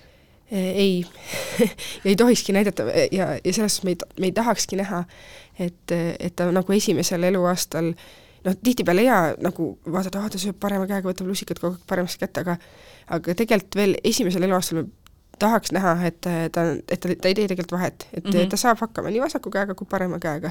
et see loob, see näitab, et ta kasutab nagu mõlemat, mõlemad ajupoolkerad juhivad nagu liigutusi võrdselt ja ta on maksimaalselt nagu ähm, siis integreerinud neid mm, -hmm. et mhm. nagu need ühendused on nagu võimalikult palju, et aga Ehm, tihtipeale see noh, näiteks kas ta hakkab tegema parema käega või vasaku käega asju, et et kui te ise mõtlete, et kuhu see, kuhu see lusikas nagu näiteks pannakse portsul, kui noh, sa paned lapsele, kui ta juba nagu tunneb ise söömi, söömise mm -hmm. vastu huvi ja ei ole nagu ainult näputoit, vaid annate, või noh, et annate lusika kätte, et siis ma julgeks küll väita, et ma arvan, üheksakümmend protsenti juhtudest ma kogemata või nagu harjumuslikult panen ikka lusika sinnapoole, millega ma ise söön, noh lihtsalt sest noh. kusjuures ma mõtlen, et võib-olla nagu niimoodi, kui laps on mu vastas, siis ma pigem panen äh, talle jah, panen talle vasakule poole, sest ma panen ju parema Aha. käega ja nagu lihtsalt niimoodi panen mm -hmm. ette, on ju, ja ma ei mõtlegi selle peale, aga praegu, kui ma nüüd hakkan mõtlema, siis ma ilmselt panen nii. samas, kui ma talle kätte annan, siis ma pigem ikka annan paremasse kätte jah, no see ongi, et kuidas nagu endal, ja noh, et jälle lihtsalt meelde tuletada tassi ka, et me oleme nagu nii ühele kui teisele poole mm, -hmm. et oleks nagu mõlemalt poolt võrdne võrdselt võimalik eh, võtta, noh, näputoiduga natuke teine teema, et aga seal ka ikkagi küsimus, et kuidas me selle nagu paigutame, et kas mm -hmm. rohkem parema käe poole või kuidas ja ja söötmise puhul, et kas me söödame nagu ainult noh, endal on mugav, kui oled paremakäelne, siis mm -hmm. nagu ma ei tea, ma toit, noh, ühesõnaga ühelt poolt on nagu mugavam mm -hmm. toit, on ju, et äh, võiks vahel proovida, aga endal on see arendav, et mm -hmm. proovida toita teiselt poolt, et nagu Äh, kuidas pivoteerimisega, äh, mäletan, kui minu laps veel ei pivoteerinud, siis ma kogu aeg mõtlesin, et see peab olema nii, et tal on labakäed maas ja sirged käed. kas arengulises mõttes ka siis, kui ta teeb seda näiteks küünarnukkide peal, on on nagu ei, linnuke kirjas, et jah, ta teeb õigesti? Põhim-, noh, linnuke kirjas jah, ta liigub, aga suure tõenäosusega ta tegelikult vist ei tee nagu päris küünarnukkide peal, aga see, see, see on seal kuidagi niimoodi kõrvuti enam-vähem nii, et beebi hakkab oskama päris kõrget seda sirgetakete või noh, labakäe toetust nagu võtma. Ja, ja samas siis hakkab vaikselt nagu liikuma, sest et see pivoti eelduseks on nagu see, et ta suudab jällegi keharaskust kord kanda ühele poole mm, -hmm. vabastada selle käe, millel raskust nüüd ei ole, liigutada seda edasi ja siis eh, kanda raskust jälle sellele, mida ta edasi liigutas mm -hmm. ja siis mhm. tuua teisi järgi. et see, kui palju, kui kõrgele ta seda ennast, eh, selleks ennast nagu tõsta tahab, see on nagu erinev, osad mm -hmm. teevad hästi laia baasiga, aga enamasti nagu ai-, noh jah, võib ka küünarnukkidega põhimõtteliselt olla, aga ma arvan, et samal ajal nagu niisama mängides igastahes on näha seda sirgete kätte nagu mm -hmm. tõusu ka, et eh, nii ja naa, nad on väga leidlikud ja väga palju erinevaid variante on võimalik näha, mida nad nagu, mida nad välja mõtlevad. selle istumise koha pealt äh, kuidas on söögitooli panekuga, toitumisnõustajad ütlevad, et võib, füsioterapeudid ütlevad, et pigem ei või, minu kogemus on seni näidanud, et kui, kui laps ise istuma ei lähe, aga juba sa annad talle noh, lisatoitu, siis meie toitsime ka alguses last lamamistoolis aga noh, lõpuks me ikkagi panime ta söögitooli, sest ta oli seal mingisugune viis minutit, on ju, kuigi ta ise veel ei istunud, et et kas see on jälle nii, et eh, nii palju, kui on inimesi, nii palju on arvamusi või on ikkagi mingi no, kindel ei, miks ei tohi panna, kui laps ise ei istu? natukene noh, on küll see jah, et neid arvamusi on nagu erinevaid, siis mõnede asjadega ma ise tunnen ka, et eh, ma ei julge öelda, et et võib, sest et siis panevad kõiki hästi vara ja üldse ei oska jälgida neid mm, -hmm. noh, et, et mida tegelikult veel tähele panna. et mõnede asjadega ma nagu nii-öelda teadlikult oma kontol ka natuke nagu pigem eh, kutsun nagu ettevaatlikkusele mm, -hmm. et sest et ma noh, kogemus näitab, et eh, emadel tuleb ikkagi ka igasuguseid huvitavaid ideid, mida nagu lastega peale hakata. et see on, see on umbes nii, et sa võtad seda, et kas ainult jah või ei, on ju, mhm. et jaa, sest põhimõtteliselt nagu pooltoone ei ole põhimõtteliselt. füsioteraapias tegelikult või noh, beebide puhul ka, kui keegi küsib, siis minu vastus nagu peaaegu alati on sõltub ja mm -hmm. siis sõltubki, et et kas võib panna beebit istuma, kes kes ise istuma ei lähe, kui tal on istumistasakaal täiesti olemas, tal on äh, vaage normaalses kaldes, ta ei ole nagu kössis seljast, tal on äh, käed vabad, ta, me ei näe tal kuskil jalgades või kätes mingeid nagu niisugust kompensatoorset toonuse tõusu, et need läheks kas rusikasse või varbad nagu krõnksu väga, kui ta peahoid on täiesti stabiilne, siis äh, noh, mina ütlen, et võib küll panna istuma, et ma soovitan, aga jällegi sõltub, milline tool teil näiteks mm -hmm. on. et kuidas ta seal toolis istub, kui ta ka maas istub enam-vähem ja need eeldused on täidetud, aga tool näiteks on niisugune lohuga nagu natuke tahapoole, ta vajub selja taha, et siis siis jälle seda tuleks nagu korrigeerida mm. -hmm. mul on, ma olen teinud ühe video ka sellest, et eh, noh, mida ma alles nüüd oma neljanda beebiga, kui ma seda kontot tegin, ma mõtlesin, et ah, ma nüüd teen ja siis ma ise ka avastasin, et ah, kuidas selle peale varem ei tulnud et noh, et et kui hästi saab nagu ära toetada igasuguste rätikurullidega mm -hmm. ja variantidega seda, et beebi päriselt on nagu fixed ja tal on äh, see, kui hästi ta siis keskendub söömisele, oli nagu, ma ise ka imestasin, et päriselt, et noh, et et ta ei pea enam tudisema mm, -hmm. et proovi kogu aeg hoidma, on ju. et proovi nagu ise istuda näiteks, ma ei tea, teraapiapalli peal ja siis keegi paneb lusika ette ja siis proovi nagu suuga pihta saada, et noh, raske on nagu, et kui sul on, kõik on fixed, sul on nagu hea ja stabiilne olla, siis on palju lihtsam kas sellele lusikale keskenduda või noh, siis näputoidu puhul nagu või noh, et kui sa kätega sööb, et siis selle, selle peale, et, et kuidas nagu käsi suhu pista, et eh, põhimõtteliselt eh, ma ütlen, et võiks ja lamamistool ei ole nagu mm, väga palju parem nagu neelamise ohutuse mõttes mm -hmm. ja eh, ma ise küll olen oma beebidega kasutanud seda varianti, et ma söödan neid nagu sülest, aga viimasega ma avastasingi, et see tegelikult, see sülest toitmine oli palju stressirohkem ja parem oli talle hästi hea asendada ja siis mm -hmm. toita.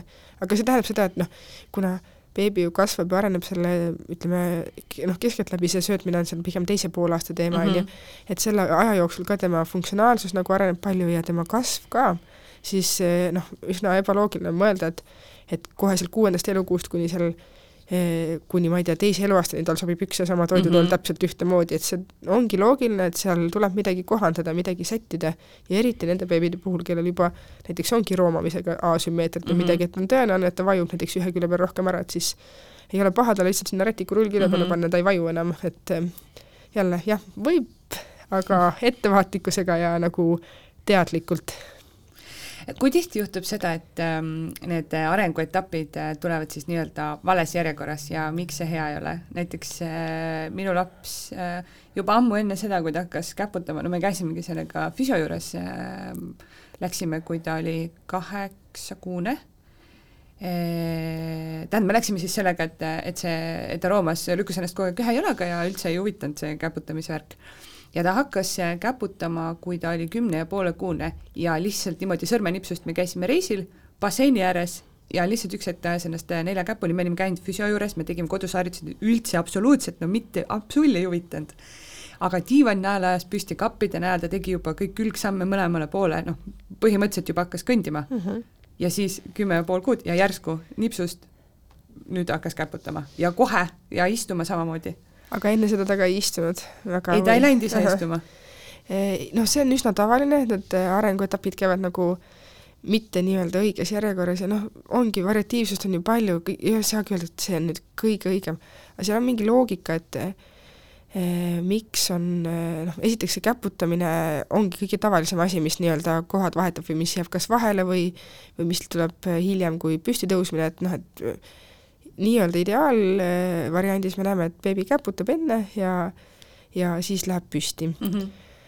ja see on sellepärast, et tegelikult käputamine on nagu kõige noh, kui me nüüd spetsiifiliselt sellest räägime, et käputamine on äh, hästi keeruline äh, tegevus, see on oluliselt keerulisem kui seismine, et mm -hmm. ta nõuab rohkem seda kehapoolte koordinatsiooni ja rotatsioone kehatüvest ja ta on samal ajal nagu stabiilsust ja mobiilsust, et seismine on ju lihtsalt äh, noh, nagu staatiline mm -hmm. asend, et äh, seal on päris mitmeid põhjuseid, et me seda käputamist nagu tahaks rohkem näha ja, ja noh, et selles suhtes ma ütlen, et järjekord on oluline, et äh, ma tihtipeale, kui keegi ütleb, et ta läks nii vara kõndima juba või seisma ära, mul tekib küsimus, et aga et nagu, et mis oli see mure, miks ta ei, nagu kas ei saanud hakkama või ei mm -hmm. tahtnud rohkem alla käpuli, et pigem mitte seda, et oo oh,, ta on nii tubli, et ta läks, vaid et, et äkki on ikkagi mingi mure, miks mm -hmm. ta mhm. selle eelmise asja vahele jättis.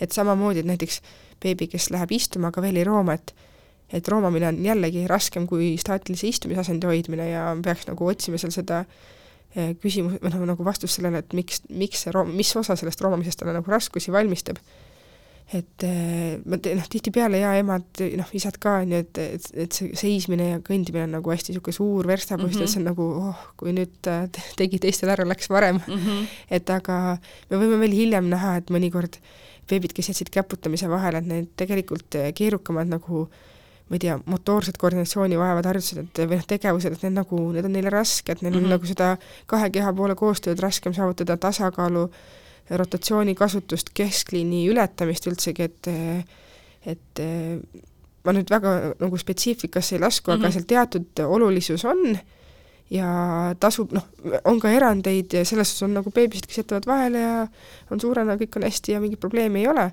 aga ma ei võtaks seda nagu nii kergekäeliselt, vaid pigem prooviks veel nagu, annaks veel paar võimalust mm, -hmm. et kui mhm. ma nüüd veel pingutaks natuke, et nagu sa ütlesid ka, et sinu omaga läks tegelikult ikkagi käputama ära, see on nagu ja Väga siis, kui ta selle käppa sai mm, -hmm. siis ta noh, siis ta käputas täiega ja nagu ajas ennast küll vahepeal püsti, aga, aga selles mõttes, et just, sest mõnedel puhkudel on see, et et see käputamine näiteks või ütleme, roomamine enne istumist, et need, need on nagu olulised eh, Nad, nad nagu arendavad teatud osaoskusi veel, mis selle järgmise asja jaoks eh, hästi kriitilised on mm, -hmm.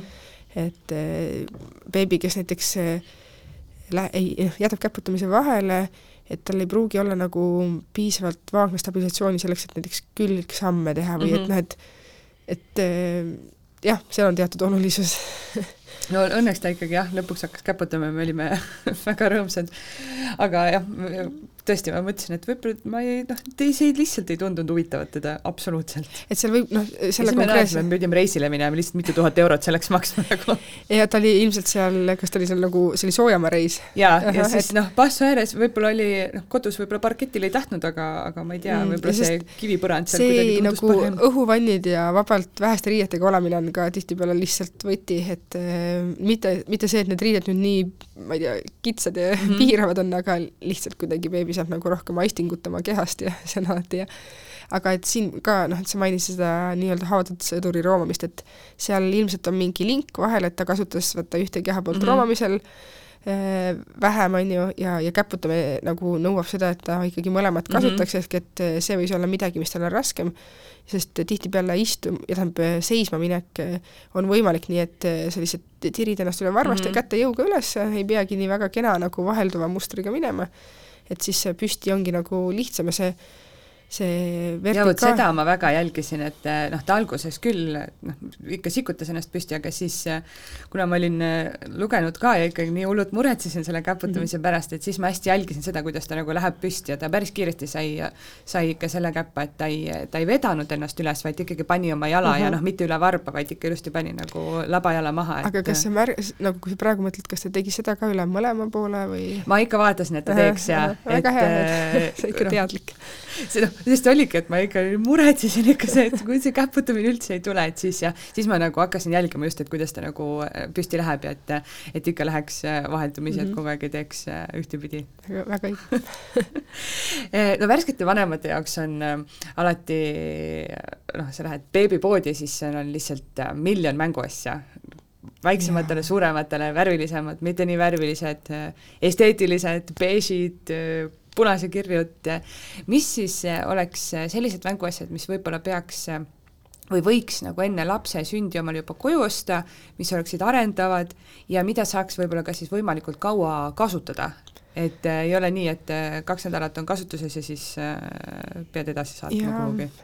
See läheb hästi minu selle nagu maailmavaatega kokku, et ma maksimaalselt vähe tarbin ja ja nagu võimalikult äh, vähe ostan lastele ka tegelikult asju, ehk et ähm, on mingid, on tõesti mingid mänguasjad, mida saab nagu alates ähm, pisikesest peale juba kasutada, võib-olla tegelikult noh, kas või näitena ähm, kõnniraamid, on ju, et kui sa valid kõnniraami, et siis sa võiks valida sellise, millel see raami küljest käib see nagu tegeluskeskus lahti mm. -hmm. et see on see nagu niisugune noh, nii-öelda kitsekese moodi, mida on ju, saab nagu edasi lükata mm -hmm. põhimõtteliselt. et sealt osad on niisugused mudelid, millest saab lahti võtta, ehk et see on hea näide sellest, et sa saad juba tegelikult päris algusest peale, kõhuli ajast alates või külililammangust alates nagu seda kasutada. et see on nagu üks asi, et mõelda, et niisugused et mitte ainult nagu päris sihtotstarbeliselt kasutada, vaid sa, sa saad seda mänguasja juba varem ka nagu kasutada, aga kui me hakkame siit nagu sealt nulli, nullist alates minema, et siis nagu ma enne ütlesin, siis need mustvalged eh, mänguasjad on ju, või noh, ütleme hästi kontrastsed. praegu on eh, need niisugused eh, disain ja kenad mänguasjad on hästi pasteelsetes toonides, mingi klotsitornid mm -hmm. ja noh, et ilus on nagu vaadata ja kindlasti sobib nagu modernsesse koju, aga kui sa päriselt tahad, et beebi sellele pilku fikseerib, siis noh, pole nagu nii hea variant, on ju. Mhm. Et mina näiteks kasutasin täiesti nii, et mul oli ma printisin välja lihtsalt mustvalge mustri ja näiteks eh, panin, kui ma panin beebi selle mähkimisalusega köögikapi peale, siis köögikapi selle seinakapi nagu põhja või noh, ütleme mm -hmm. beebile nagu selili olles nagu lakke nii-öelda, panin lihtsalt selle mustvalge selle ähm, mustri, et see on ka täiesti säästuvariant, on ju, aga et põhimõtteliselt jälgida, et need oleks kontrastsed. põhivärvid ka on okei okay,, aga nad võiksid olla hästi järgsad mm. -hmm. siis teine asi, mida ma olen nagu vahel kohtan, mida ähm, mida tasuks mõelda, et noh, need kõristid on ka nagu meeletu variant mm, -hmm. mida kõike nagu valida, et mõtle, kui väike on nagu beebipihk ja kas on reaalne, et ta kuskilt sellest nagu ümber saab haarata. väga paljud on nagu äh, nii suured ja latakad, et tegelikult mm -hmm. tal ei ole niisugust mõnusat kohta, et põhimõtteliselt võiks olla umbes oma nagu väiks-, sellel mängusel võiks olla mitte jämedam kui nagu oma väikse sõrme nagu jämedune koht, kust kinni haarata. et see, seda nagu jälgida ja, ja nad võiksid olla kerged mm, -hmm. et et ehk et kõrra on see, mis võiks nagu kõristid võiks olla kindlasti, mida saab lapsele anda siis ähm, äh, alternatiiv kõristitele on see, et kui beebi veel käes ei suuda hoida, siis on niisugused nagu randme ja mm, hüppeliigese kõristid nagu krõpsuga, niisugused nagu pael lihtsalt, millel mm -hmm. on ka mhm. mingi lulla võib-olla küljes, on ju, kõrisevad ja on värvilised, et need on nagu ka päris hea variant just alguses. sokid isegi. jah, just, et sa saad nagu jälgida, noh, et, et fikseerida nagu pilku sinna saab beebi eh, harjutada, on ju. Eh, ja siis kui ma rääkisin enne sellest kõndimisraamist, aga aga teine variant on see nagu püsti seistes see tegevusalus, nagu nelja jala peal, niisugune laud nii-öelda mm, -hmm. ma ei tea, Mhm. neid sõnu on nagu erinevad, mis nende kohta öeldakse. motoorikakeskus. jah, motoorikakeskus on ju et, et seal on ka, tasub mõelda või noh, valida näiteks selline variant, kus sa saad eh, kahte jalga ära võtta, et nagu panna ta siis nagu neljakümne viie kraadise nurga alla mm, -hmm. Et sest et sellisel juhul sa saad hakata seda asja kasutama mitte siis, kui ta püsti läheb, vaid juba siis, kui ta põhimõtteliselt kõhul Mhm. mm, -hmm. ta vaatab, siis ta saab harjutada seal eh, hiljem eh, istudes mängida, see on väga hea, saab eh, käpuli asendisse minekut ja tulekut ja käpuli asendisse niisugust mängu seal harjutada ja siis püsti, ehk et need on nagu niisugused head näited sellest, et neid saab nagu pikalt kasutada mm. -hmm. Ehm, Ja siis eh, veel üks variant, et kui kõristil on nagu noh, alguses piisab sellest, et on niisugune nagu ehm, peenike kõristi, mida käes hoida eh,, ah, siin mul tuleb meeld-, veel, veel meelde see, et et hästi head on minu arust need eh, eh, Karlova asjad või noh, sellised mm. -hmm. pehmed tekstiilis, sest et need on midagi, mis nagu ehm, Nad püsivad paremini käes, nad on eh, kerged ja beebi saab seal nagu harjutada, et kui tugevalt ta kinni hoiab Mm -hmm. et see vajub siis pehmema, noh nagu rohkem kokku või mitte. ja on jah, lihtsalt nagu seda haaret on kergem hoida. aga et kui liikuda siit edasi, et mitte ainult nagu käes hoidmiseks see mänguasi ja mitte kõristamiseks ja vaatamiseks, vaid seesama, mis me rääkisime, et teisel poolaastal juba see käest kätte viimine, siis nagu minu soovitus on kindlasti, peaks olema mingi selline mänguasi, millel on hästi palju erinevaid kohti, kust kinni haarata, mitte mm Mhm. -hmm. nii, et üks nagu pulk, mille otsas on kummaski otsas pall, sest seda on nagu raske ühest käest teise anda, vaid siis hästi hea variant on minu arust see O-pall ja kõik mis iganes variandid sellest, et Mhm. niisugune mm -hmm. nagu niisugune kärjekujulise selle struktuuriga nagu niisugune pall, ükstapuha, kus ta siis kinni rabab, tal on tõenäosus, et käed, sõrmed saavad mm Mhm. -hmm. võtta, et see on nagu hästi hea. mis seal enamasti on veel sees ka ju mingi Jaa, kõrisev asi, on ju. Need kõrisevad ja on värvilised ja need on nagu minu arust ka äge leiutis. no ja siis ähm, äh, jah, motoorikakeskus on üks, mille najal seista, eks ole, aga on ka need, mis, mis on niisugused nagu nagu tünniks, millel käib kaan peal, on niisuguseid nuppe saab üle Mhm, traatide mhm. ajada, et et need on muidugi nagu väga mõistlikud, aga aga minu kogemus näitab, et noh, neid nagu beebid minu arust nagu väga sihtotstarbeliselt ei Mhm. kasuta, et kui sa ise mõtled, vaatad jah, et oo, siin saab kruttida neid äh, hammasrattaid ja siin saab seda, aga tegelikult noh, beebid nagu nii palju ei kasuta. jah, ta pigem peksab seda vastu maad või jah, midagi. või ronib selle otsa nagu käpuli, on ju, ja siis mõtledki, et sama hästi võib olla ka kingakarp, mille otsa ta Mhm. käpuli ronib, on ju. aga no nagu asjad, mida seal teisel poolaastal kindlasti, mis hakkavad eh, noh, füsioloogiliselt nagu kujunema oskus asju üksteise otsa laduda, et siis oleks hea, kui beebil on nagu võimalik eh, noh, kas siis klotse üksteise otsa panna mm, -hmm. mis üksteise otsa kuidagi paremini istuvad või või need eh, topsikesed, millest saab nagu kas üksteise sisse neid panna mm. -hmm. väikseks või siis torni teha, on ju, et need on nagu kindlasti niisugune basic, mis võiks olla olemas, sest et see ja, ja rõngatorn on ju, et sa laod nagu rõngaid eh, torni otsa, et et see on nagu käelises mõttes niisugune eh, arenguline asi, mida ta selles teisel pool, teisel poolaastal eh, seal esimese aasta juures nagu harjutab, et siis võiks olla tal nagu võimalik seda teha.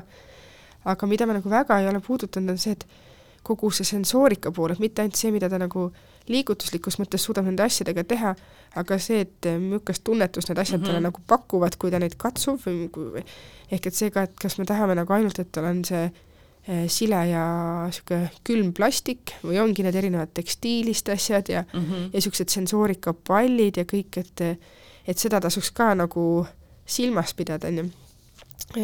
Selle puhul näiteks on hea, et need eh, igasugused tegeluskaared või mängukaared mm. -hmm. kuidas nüüd, ma ei tea, mis iganes nime neile veel nagu öeldakse, et, et seal on need nagu selle mati osa peal on ju kõik need eh, peeglid ja krõbisevad ja karedamad ja need asjad kõik olemas, et see on ka kui, kui alguses äh, beebi nagu lamab seal selili või võib-olla külili selle mängukaare all, et siis hiljem saab ta nagu istudes kasutada, et see on ka üks hea asi, mida mm -hmm. nagu Mhm. pikalt äh, pikalt kasutada ja mul on niisugune tunne, mul on ka vist äh, veel mingid postitused kindlasti peaks olema seal kontol olemas, kus on nagu ma iga aasta enne jõule nagu teen, teen uuesti, et noh, et, et selles vanusegrupis jah, et selles vanusegrupis, kui üldse, et siis noh, et näiteks see asi soovitage või ma ei tea, saatke vanaemadele, vanaisadele nagu link, et et siit midagi, et noh, vaata muusikaga mänguasjad on küsimus, et viimasel ajal minu arust kõik laste mänguasjad ongi noh, ainult ürgavad ja siis põhi nagu küsimus on, kui sa selle pakist lahti võtad, kus see väljalülitamise nupp on, et sa nagu kindel oled, et sa saad aru, et, et see on olemas. et ähm, mulle tundub, et ei pea nagu üle stimuleerima neid beebisid, et mm, -hmm. et äh, valgus ja vilkuv ja liikuv ja mingi karjuv, et noh, et see on lihtsalt noh, liiga palju et ma soovitaks küll pigem tagasihoidlikult, kui et, kui et kõik peab olemas olema mm, -hmm. et ja noh, kui mänguasjadest nagu edasi liikuda veel selle varustuse juurde, mis beebide jaoks nagu nii-öelda olemas peab olema, et et kas peab olema hüppetraksid või käimistoed või mm -hmm Äh, või lamamistoolid, et siis liigutusliku arengu so-, nagu soodustamise mõttes ma ütleks, et äh, ei pea mitte, jah, just midagi ei ole vaja, põrandat oleks niisugust enam-vähem sooja tuba, et nagu saab normaalselt liigutada.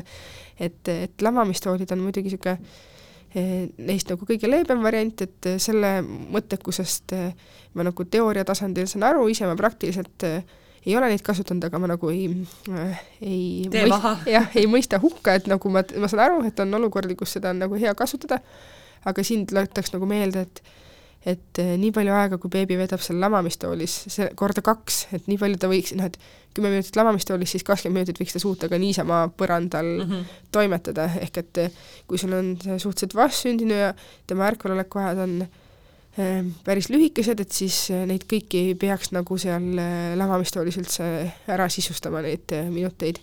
et kui sa suudad pakkuda talle poole rohkem aega ka niisamuti, siis noh, siis on nagu päris hästi, ma arvan.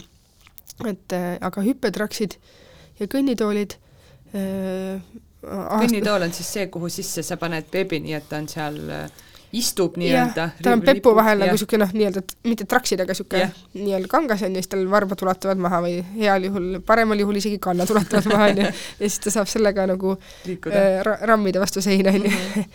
et äh, neid äh, ma füsioterapeudi äh, seisukohalt ja noh, üldse ise nagu emana ka ma absoluutselt ei soovita äh, noh, vahel küsitakse, miks ikka ja siis rõhutakse, et ohutus, aga noh, minu arust ei ole ohutus ainult nagu ainuke asi, et nad on ikka juba leiutatud sellised ka, et nad ei kuku nagu kohe päris ümber, on ju, aga aga lihtsalt eh, see põhimõte, et las beebi teeb seda asja, mida ta suudab teha, et ära pane teda asenditesse, mis, milles mm -hmm. ta ei suuda olla, kui ta ei suuda olla püsti, siis eh, ära pane teda sinna, sinna seisma ja kui ta suudab olla püsti, siis ära ikka pane, sest et noh, ta saab, ta juba ju suudab, on ju. ja hüppetraksid tõesti ka, et ma saan aru, et beebid on väga rõõmsad, aga seal traksides aga see, selles osas ma ei näe ühtegi nagu positiivset mõju, et miks neid peaks nagu kasutama, et puusadel on liiga suur surve, lülisammas ei ole õiges asendis, tihtipeale pannaksegi beebi sinna liiga vara, vaagen ei ole hästi sääred saavad ülekoormust sellega, et nad kogu aeg põrga-, noh, ütleme mm -hmm. nagu tekitavad seda tõukeliigutust, ehm, et pluss, ja pluss beebi on nagu põhimõtteliselt, eh, tal on takistatud nagu oma normipärane liikumine mm -hmm. senikaua, kuni ta seal on, et kui beebi peaks hakkama või noh, lapsed hakkavad hüppama kaks jalga koos umbes kolmeaastaselt, siis eh, mingit põhjendust ei ole, miks ma peaks juba kuuekuuselt harjutama hakkama seda, et eh, ma tõesti tõesti, see oleks küll nii hea, kui see leviks veel rohkem ja ma tean ja ma näen juba, et beebigruppides ka, et kui keegi küsib kuskil näiteks taaskasvatusgrupis, et äh, kas kellelgi on ära, ära anda trakse, et siis ta peab juba alati ette valmistama hüppetrakse, et et noh, et ma tean küll, et ei tohi, aga ja siis tuleb sinna ikka mingi viiskümmend kommentaari mm -hmm. selle kohta, et sa mingi rikud oma lapse tulevikku ära ja noh, ehm, noh, on mingeid põhjuseid, miks vanemad nagu, neil võib-olla tõesti äh, see päästabki ainukesena päeva, kui laps üldse ei maga ja ei söö midagi, need hüppetraksid ja noh, kedagi ei saa nagu hukka mõista, aga kui vähegi võimalik ja nagu teadlikkust on, et siis ei tasu tutvustadagi? ei, ei tasu tutvustada jaa, sest et no, no kui ta ühe korra seal juba käinud on, siis ta ilmselt nõuab sinna veel, on ju? jah, ja kus, kui see nagu toas üldsegi nii-öelda silma all on mm, -hmm. pigem lihtsalt üks väga hea alternatiiv on kiik, et, et ta ei pea seal hüppama, las ta lihtsalt olla, las ta kiigub, et stimuleerib oma nagu seda sisekõrva mm, -hmm. harjub liikumisega palju-palju parem, et eh, see on ka jah, nagu niisugune üks asi, et kui ruumi kodus on ja nagu võimalik seda kiiku eh, üles riputada, siis eh, ma nagu seda isegi rohkem kui füsioterapeudi pilgu läbi, vaid rohkem nagu emana ütlen mm, -hmm. et meid päästis see täiega, et lihtsalt nagu mõnus niisugune rahulik kiikumine. üks väga suur asi on, või üks väga suur teema on ekraaniaeg. kui palju, kas, mida lapsele näidata, et mida üldse selle all mõista, kas ekraaniaeg on see, kus, kus laps konkreetselt istub näiteks teleka või, või tahvli ees ja seda vaatab, või läheb sinna alla ka see, kui noh, ma ei tea, beebi on põrandal ja telekas nagu mängib kõrval? Noh, need ongi jah, nagu erinevad ajad, et öeldakse nii-öelda passiivne ja aktiivne ekraaniaeg, on ju. et see, kui ta lihtsalt lamab ja seal telekas mängib kõrval, siis seda nagu nimetame passiivseks mm -hmm. ajaks ja noh, teine on siis see, et tal ongi see seade nagu käes või ta istub selle taga ja siis nagu ta pilk on noh, ütleme, võimalust nagu ära keerata pilku on noh, veel vähem, on ju, kui mm -hmm. sellel passiivsel ajal. et seda ikkagi nagu aktiivseks ja eh, kui soovitatakse, et alla teist eluaastat eh, üldse mitte veebidel eh, või noh, lastel nagu kontakti ekraaniga, siis noh, põhimõtteliselt ei ole sõnastatud, et kas see on see passiivne või aktiivne, aga mina jälle ei näe nagu mingit põhjust, miks peaks ka see passiivne nagu okei okay olema ja ma saan aru, et noh, saabki, meil oli just hiljuti siin arutelu, et kontol, et saab küüned ära lõigata näiteks Aktuaalse mm -hmm. kaamera ajal või midagi sellist, on ju, et et see päästab mingid olukorrad, aga, aga tegelikult ka see passiivne on beebile samamoodi kahjulik ja see ei ole nagu äh, see kindlasti ei ole arendav, see kurnab tema närvisüsteemi üle, see on väga stimuleeriv ja see mm -hmm. nagu eh, ei anna talle eh, reaalset eh, nagu ettekujutust sellest, mi-, mis asi on keskkond tema ümber ja kuidas selles ennast liigutada, sest see on täiesti tehislik, et mm -hmm. selles suhtes eh, mina isiklikult ei soovita ka seda praktikat, et beebi nagu, beebi mängunurk on suure ekraani kõrval enamasti ta seal elutoas teleka ees on jah, jah, aga noh, et siis ongi va valik, et noh, et kas sealt tuleb midagi nii head, et sa ise mm -hmm. keskendud ja vaatad, aga see on juba eh, ma arvan ka nagu ütleme, keskmise täiskasvanud inimese nagu äh, ekraani tarbimise suhtes mina kindlasti olen ise nagu äärmuslik või ütleme, ekraan ei ole õige muidugi, ma arvutis teen palju tööd ja äh, ja telefonis ka ikkagi mingeid asju ajan, aga noh, just see nagu televisiooni tarbimine mm -hmm. näiteks, et et minul isiklikult on natuke raske nagu samastuda, sest et et see ei ole minu jaoks üldse probleem, et päev otsa, noh, meil ei olegi telekat kodus, selles mm -hmm. ma võin öelda, et ma ei ütle, et see peab nii olema, aga et mulle endale meeldib vaadata telekat või mingit filmi siis, kui ma suudan nagu sada protsenti keskenduda mm -hmm.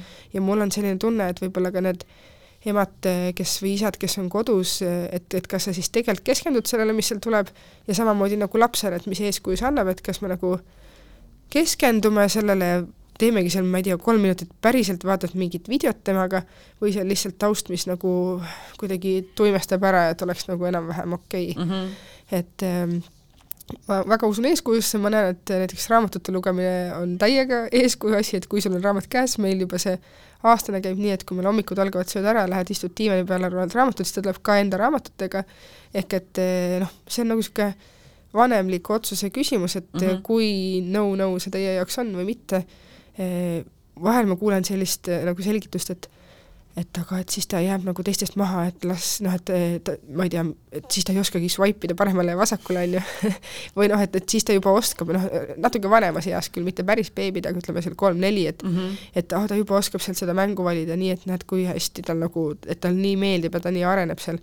et siis noh, ta areneb seal ka siis, kui näiteks seitsmeaastaselt talle see kätte anda, et ta suudab selle vahe nagu päris ruttu tagasi teha Eh, nagu uuringud on näidanud, et eh, selleks nagu ei pea andma äh, neid nutiseadmeid nii vara kätte, et nagu anda talle parim võimalik start mm, -hmm. et, et siis ta saaks terve ülejäänud elu nagu eh, pärast mõelda, et kuidas ma ei tea, looduses närve rahustada või kuidagi ennast nagu enda, enda keset uuesti leida, et mm -hmm. ühesõnaga minu, minu soovitus nii nagu ema nagu füsioterapeudina on see, et võimalikult vähe seda kokkupuudet ja noh, see ongi nagu iga pere oma otsustada mm, -hmm. et eh, ma ei hakka nagu hirmutama, et muidu juhtub see ja see, ilmselt eh, ei pruugi juhtuda, aga aga võib? aga võib, jah no kui esimene eluaasta on eh, selline aeg, kus laps mühinal igatpidi areneb, siis kuidas sealt edasi läheb, ütleme, mis on võib-olla veel äh, ma ei tea, kas teise eluaasta või sellised järgmised suuremad verstapostid, mis nagu tulema hakkavad, noh, rääkima õppimine mm. -hmm. jah, sealt eh, esimesel eluaastal see hästi suur osa nii-öelda noh, motoorsest arengust nagu toimubki esimesel eluaastal, aga seal on ikkagi noh, saab edasi minna, et kui kõndimine, siis treppidel kõndimine on üks noh, mis jääb sinna enne teist eluaastat, kui hakkab nagu see selgeks saama, et vaheldussammudega on siis jooksmine, hüppamine, need on niisugused ja kui me oleme juba selle kõndimise saavutanud ja see esimene eluaasta on nii-öelda nagu kenasti läinud, et siis suure tõenäosusega see kõik tuleb, aga mõnikord me näeme sealt, ütleme, aasta kuni kolm-neli hakkavad ilmnema, et ah, et aga tal näiteks, ma ei tea eh,, ei saa trepist hästi üles või kaot-, noh, kõnnib kikivarvul, on hästi mm -hmm. suur mure või et eh, kukub tihti, et siis eh,, siis võib nagu sageli märgata seda, et tegelikult seal esimesel eluaastal nagu noh, jäigi kas natuke midagi nagu lihvimata mingi oskus või midagi nagu piisavalt mitte nii palju harjutatud, et et on ikka seal jah ka eh, seal lasteaiaeas nii-öelda eh, asju, millega füsioterapeudi poole pöördutakse, aga ehm, mis on nagu käeline, käelises tegevuses on hästi palju seda arengut edasi seal teisest, ütleme esimesest, teisest, kolmandas eluaastas, et et need pintsetthaardega nagu eh, pisikeste nii-öelda tööde tegemine ja eh, jah. et sa leiad maast kivi ja paned selle suhu. võtad see... selle pöidla ja näpu, nimetussõrmega ja ja see hakkab juba, see isegi hakkab, see jäi mul enne mainimata, et see võiks seal kuskil ja kuskil enne esimest eluaastat mm -hmm. juba avastada, et kõik vaiba pealt, kõik sodi nagu korjatakse ülesse ja see on noh, nii-öelda meie, meie pilgu läbi väga hea, väga tore, et korjatakse, et kui seda ei tehta, siis on on probleem, aga et seda tuleks nagu edasi täiustada, et kuni selleni, et kuidas hakkab pliiatsihoia olema, et see on rohkem nagu tegevusterapeudi rida, kes oskaks kindlasti sellest nagu spetsiifilisemalt rääkida eh,, aga tasuks nagu mõelda sellele, et noh, et kui noh, lasteaias saavad lapsed nagunii seda päris palju teha, seda peenmotoorikat mm -hmm. nii-öelda, aga et kui on nagu kodune laps, et eh, millised on niisugused hea, ealised nagu tegevused, et näpuvärvid ja voolimismassid ja ja igasugused kleepsud või mingid äh, teibitükid ja rebimised ja kõik sellised nagu nii-öelda käelised tegevused pintsettidega, et noh, natuke vanemas eas võtadki pintsetiga hoopis asju või näiteks need ampullid, vaata millest seda füsioloogilist lahust saab mm -hmm. sinna aurutada, siis see on ju, et nendega saab nagu nendest vett välja pigistada, kõik niisugused käelise oskuse nagu teemad ehm,. jah. et pigem siis äh pärast esimest äh, eluaastat siis hakkabki äh, arenema rohkem just see käeline tegevus?